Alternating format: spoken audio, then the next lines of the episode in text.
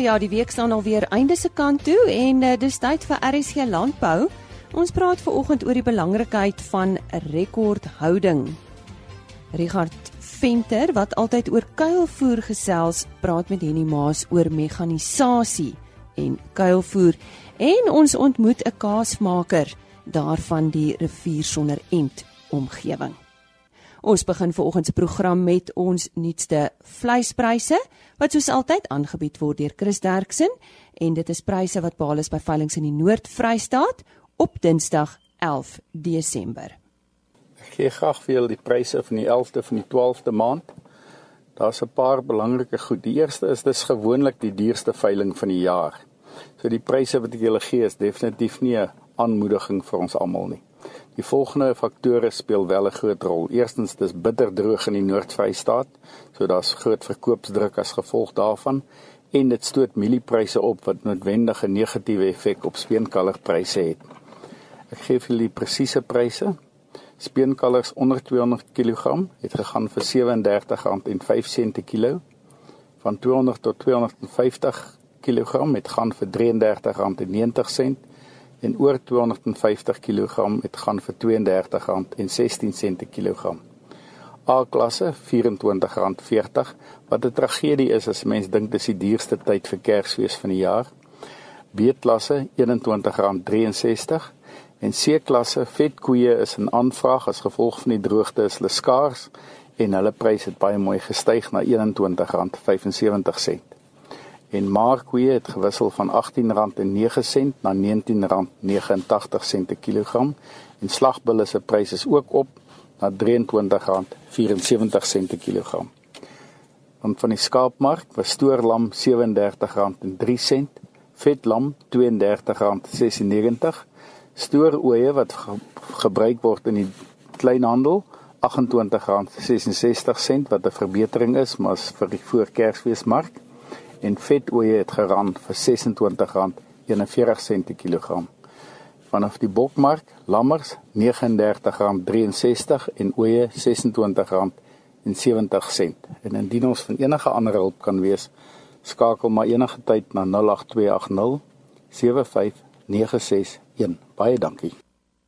Nou ja, dit was dan Chris Derksen vir die laaste keer vanjaar in 2018. Hy sal vroeg in Januarie terug wees met 'n uh, eh, vleispryse van 'n veiling daar in die Noord-Vrystaat en hulle webtuiste is www.vleisprys.co.za.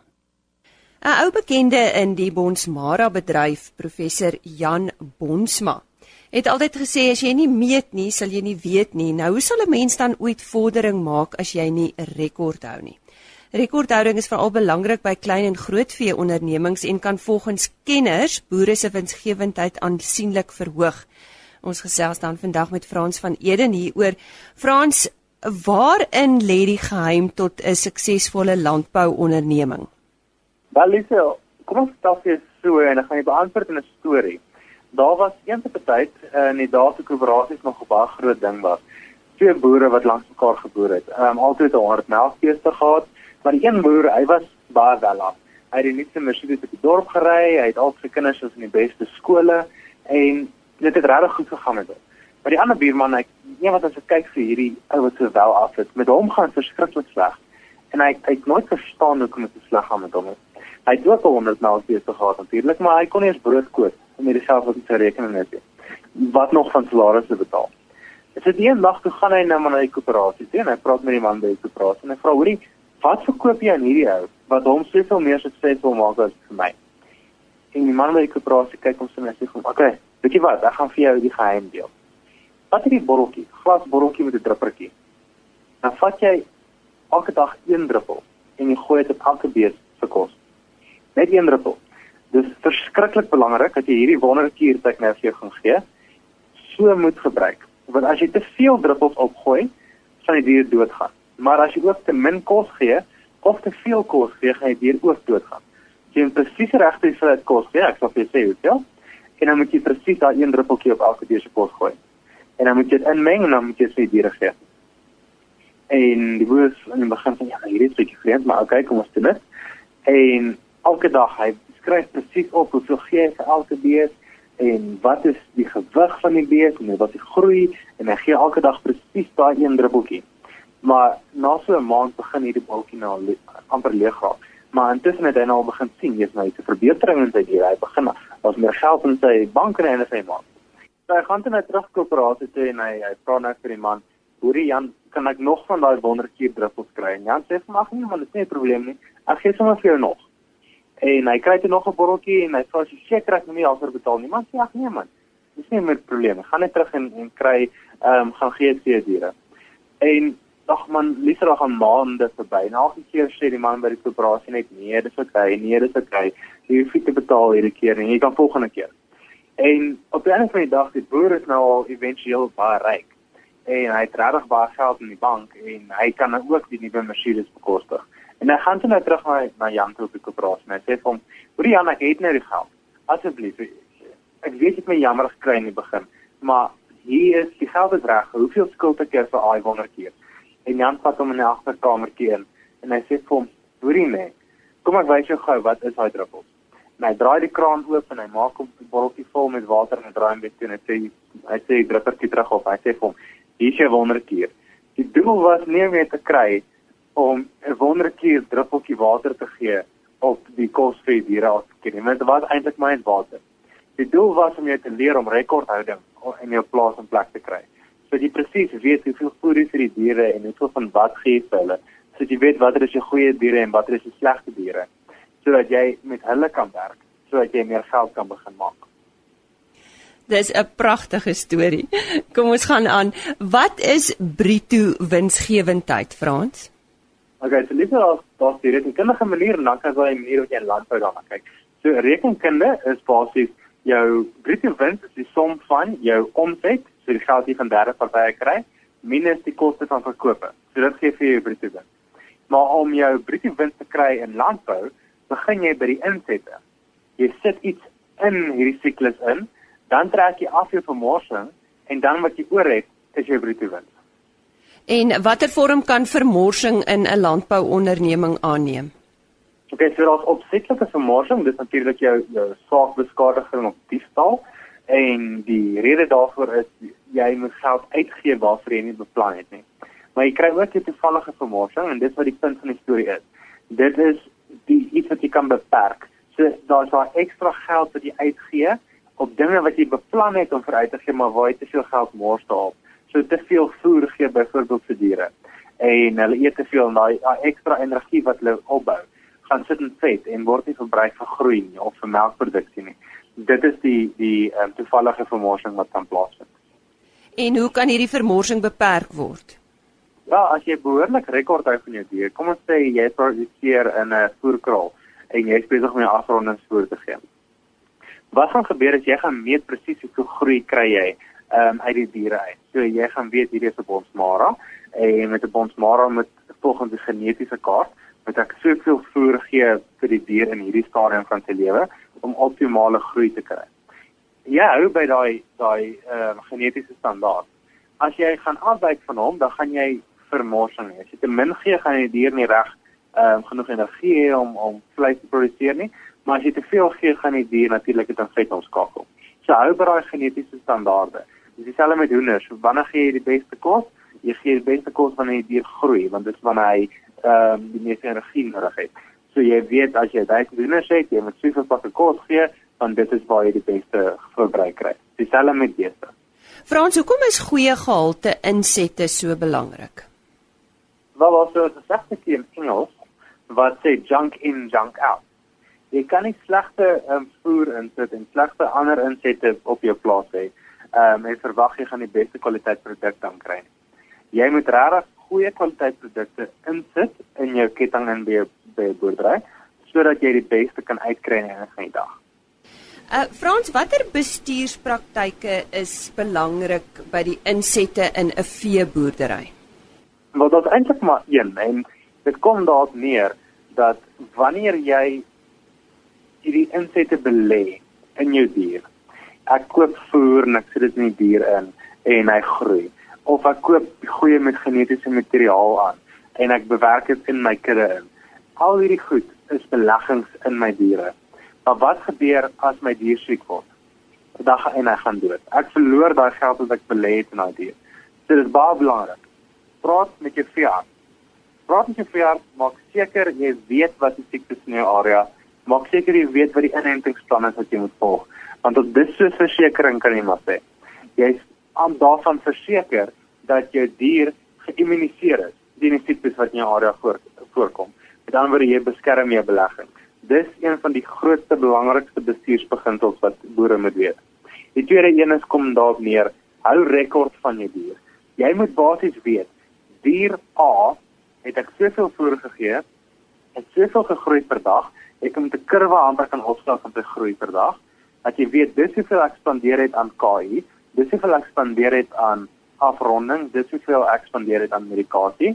Hierdie dier het ek verlies of gewin op gehad, dis hoeveel ek hom verkoop het dit is hoe akkuraat mens kan gaan met jou rekord.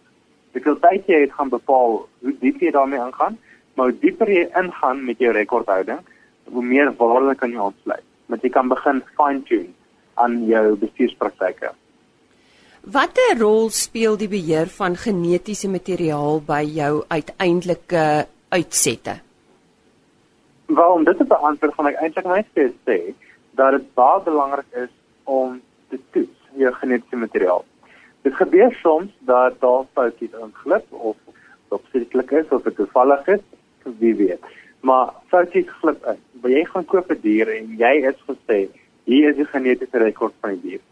Ehm um, en hy het hierdie vreeslike stoetbul pa gehad wat ehm um, dit wat jou oë laat oopgaan het en jy sê ek gaan hierdie wonderlike genetiese materiaal in my kudde inwerk want die spiermassa is soveel meer van hierdie dier as my huidige kudde. Nou koop ek die die bul en wat gebeur nou? Ek moet die dier in kwarantyne sit vir omtrent 6 maande.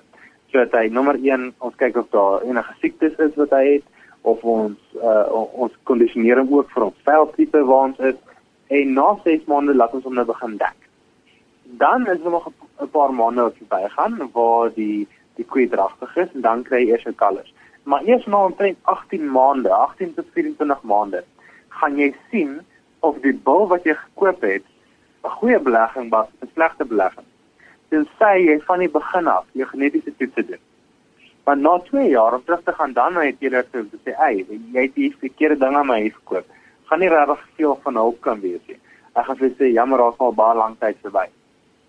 Maar as jy van die begin af jou genetiese materiaal getoets het, jy weet hierdie is werklik die die ouer materiaal, dan gaan jy van verseker wees van jou van die verbetering in die opbrengste van jou kudde. So dis wat ek wil sê. Met genetiese materiaal maak seker jy toets vir die tyd, want jy kan baie baat deur dit reg te bestuur en goeie genetiese materiaal in te kry, maar jy moet geld reg belê dan. Ons moet daar afsluit. Hoe kan 'n veeboer sy omset verhoog en sy oorhoofse koste verlaag, Frans? kwalite as jy gaan goeie rekordhouding hou, gaan jy agterkom dat jy nie soveel geld spandeer nie. Wat beteken jy gaan meer geld hou? Wat beteken jy kan rente op daai geld verdien? En daai rente gaan help om die oorhoofse kostes van die besigheid te dek. Nou ja, daardie goeie raad. Sê ons baie dankie aan Frans van Eden. En uh, onthou om weer verder hierdie maand te luister. Ons gaan so 'n bietjie later in die maand weer met hom gesels. Kom ons gesels ver oggend met kaasmakers daar van die uh, rivier sonder end omgewing. Hulle is Kingwell Cheese en ons gesels juis ver oggend met Zelda.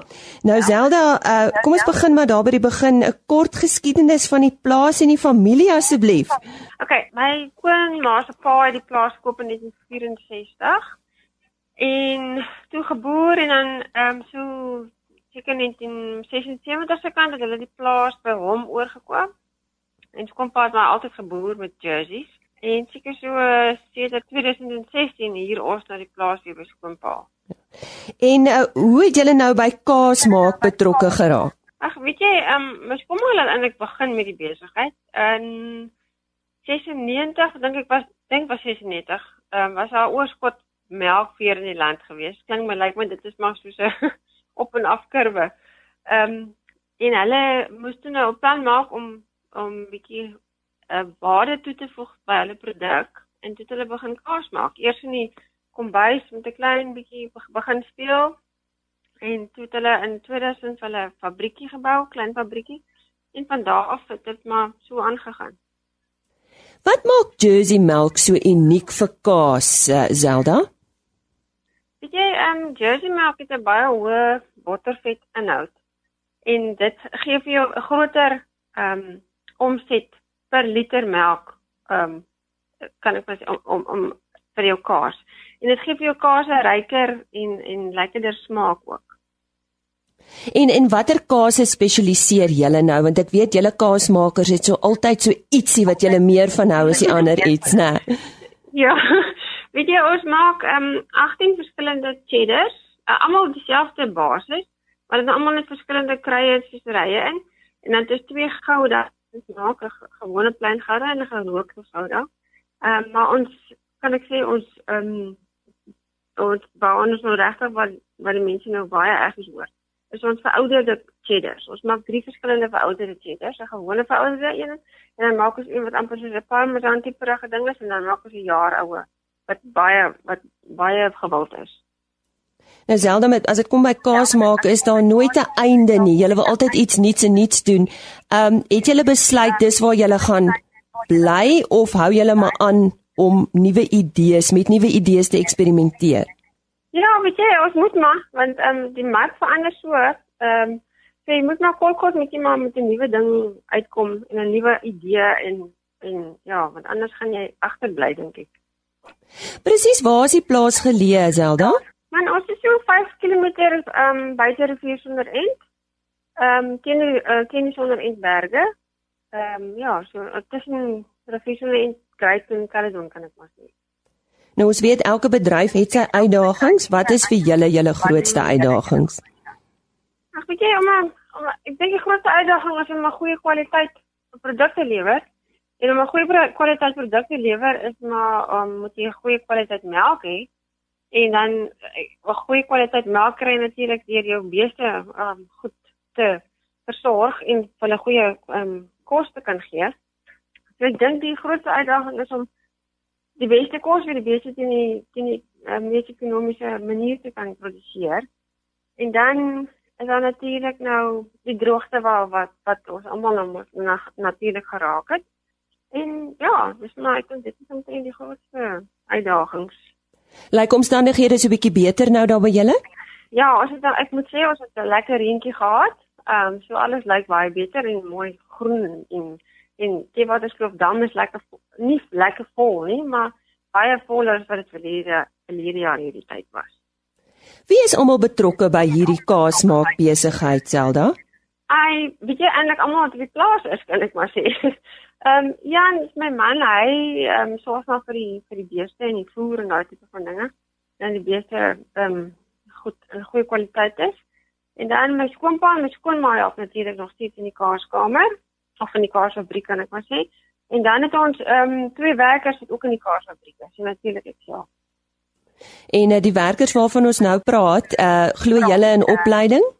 Ja, nee, ehm um, ons ons doen eh, ehm uh, um, die elke vir wat vir ons werk, hy werk al 10 jaar vir ons.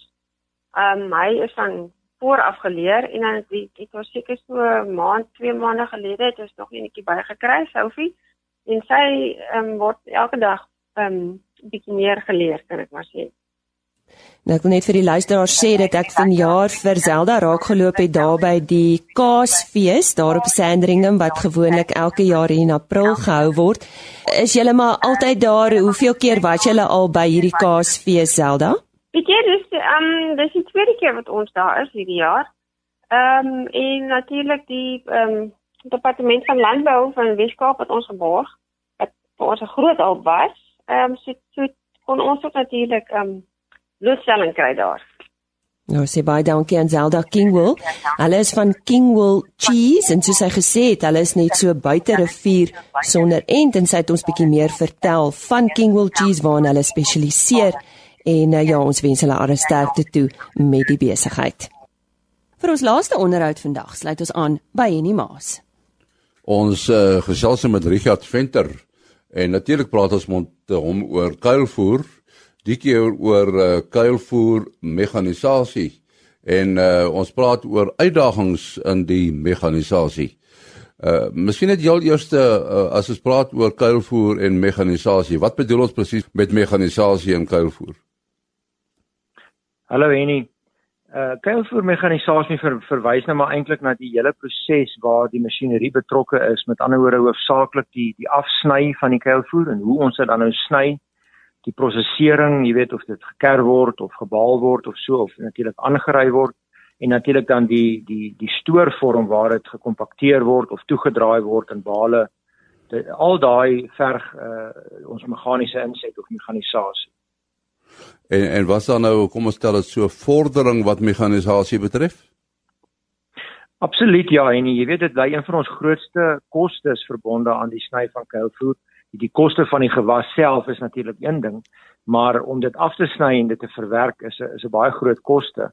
So daar word baie gekyk na brandstofdoeltreffendheid byvoorbeeld en ook net die effektiewe verwerking van van kuilvoer hoe ons dit sny uh, byvoorbeeld as ons nou mielies of mieliekuilvoer of sorghumkuilvoer wil fyn kerf dan word daar gekyk na die lengte van die partikel en dit het 'n 'n direkte impak op byvoorbeeld die brandstofverbruik van die masjinerie so dieselfde masjien kan byvoorbeeld minder of meer brandstof gebruik as daar vir langer of korter ge, gesny word en so ook die graanverwerking en en dit alles het maar 'n groot impak op die koste van ons uiteindelike kuilvoer wat ons vir die vir die beeste wil voer. Die benadering tot sny, uh, ons praat nou van sny, is daar verskillende benaderings? Daar's 'n redelike nuwe uh, uh relatiewe nuwe tendens, die sogenaamde skeursny kuilvoer of in Engels dan nou bekend as shredlage. Nou dit is deur een van die leiermaatskappye in die gebied van kuilvoer sny en verwerking uh, ontwikkel. En wat hulle dan nou eintlik daardeur bereik het is om die mielieplant op so 'n manier te verwerk dat hy effens 'n langer snylengte het, uh, 26 of of selfs 30 mm. Nou die meeste boere wat nou luister sal natuurlik vir my dadelik sê o nee, dit is te lank, want ons almal weet ons wil kuilvoer onder 20 mm en selfs korter as 15 mm sny. Maar die manier hoe hierdie masjien se ehm um, se uh, sny uh, rollers die plant uitmekaar uitskeer ehm um, het dan nou tot effek dat ons wel 'n langer partikel het, maar dat die pitte nog steeds baie baie goed verwerk is en ook dat die materiaal so uitmekaar uitgeskeur en en amper oop gevryf is uh, byvoorbeeld die die stingels van die plant veral dat daar nie op die ou en groot partikels agterbly in die voerbak wat dan natuurlik 'n verlies is nie. So so dis een baie goeie voorbeeld van hoe ons eintlik maar dieselfde aksie doen. Ons ons sny die plant fyn om hom te kan inkuil maar ons sny hom op 'n heeltemal 'n ander manier. En en die voordeel daarvan is is eintlik maar vir 'n vir 'n bees ons almal weet 'n koei of 'n skaap enige herkouer het mos maar vesel nodig. Die vesel is wat die rumen wil hê die groot pens en wat hom aan die gang hou en wat natuurlik 'n uh, uh, herkou stimuleer.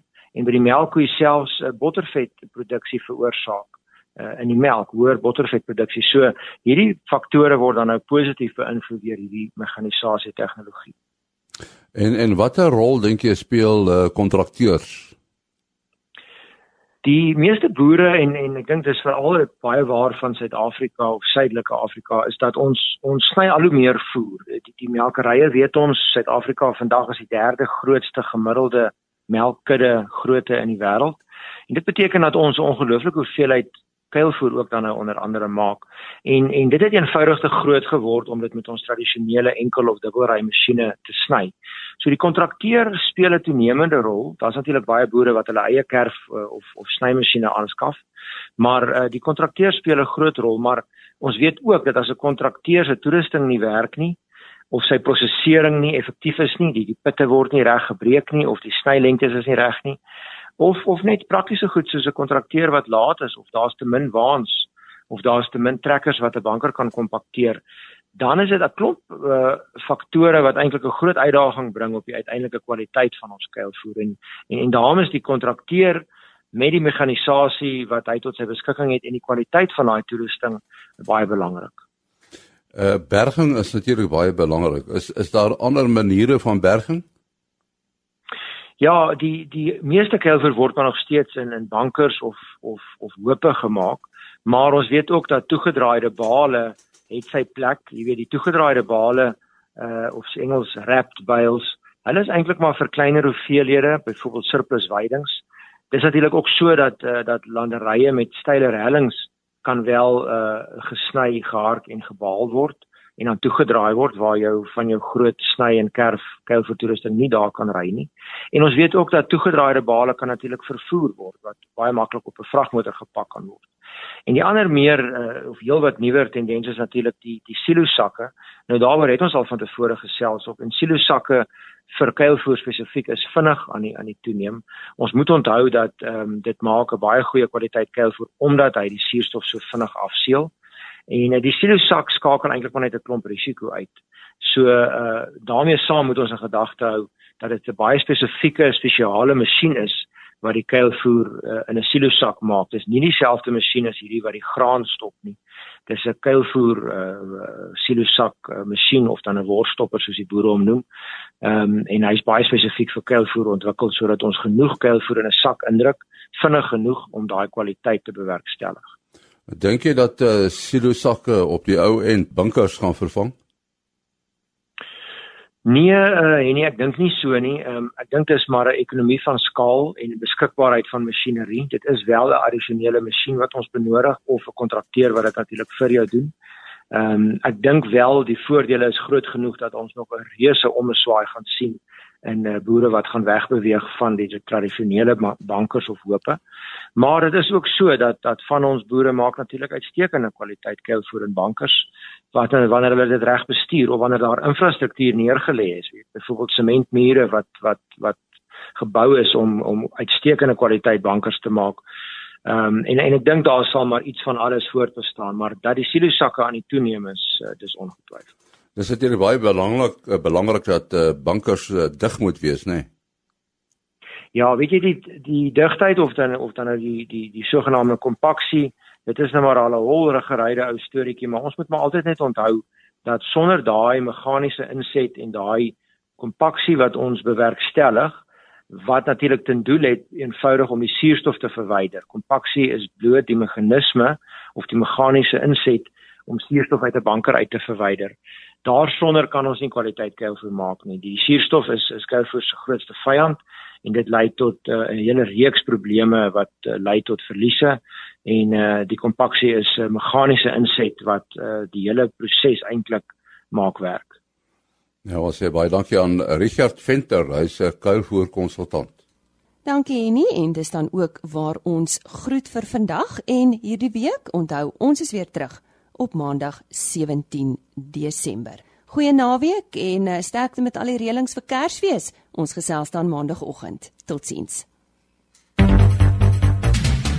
RSC Landbou is 'n produksie van Plaas Media. Produksieregisseur Henny Maas. Aanbieding Lisa Roberts. En inhoudskoördineerder Jolandi Root.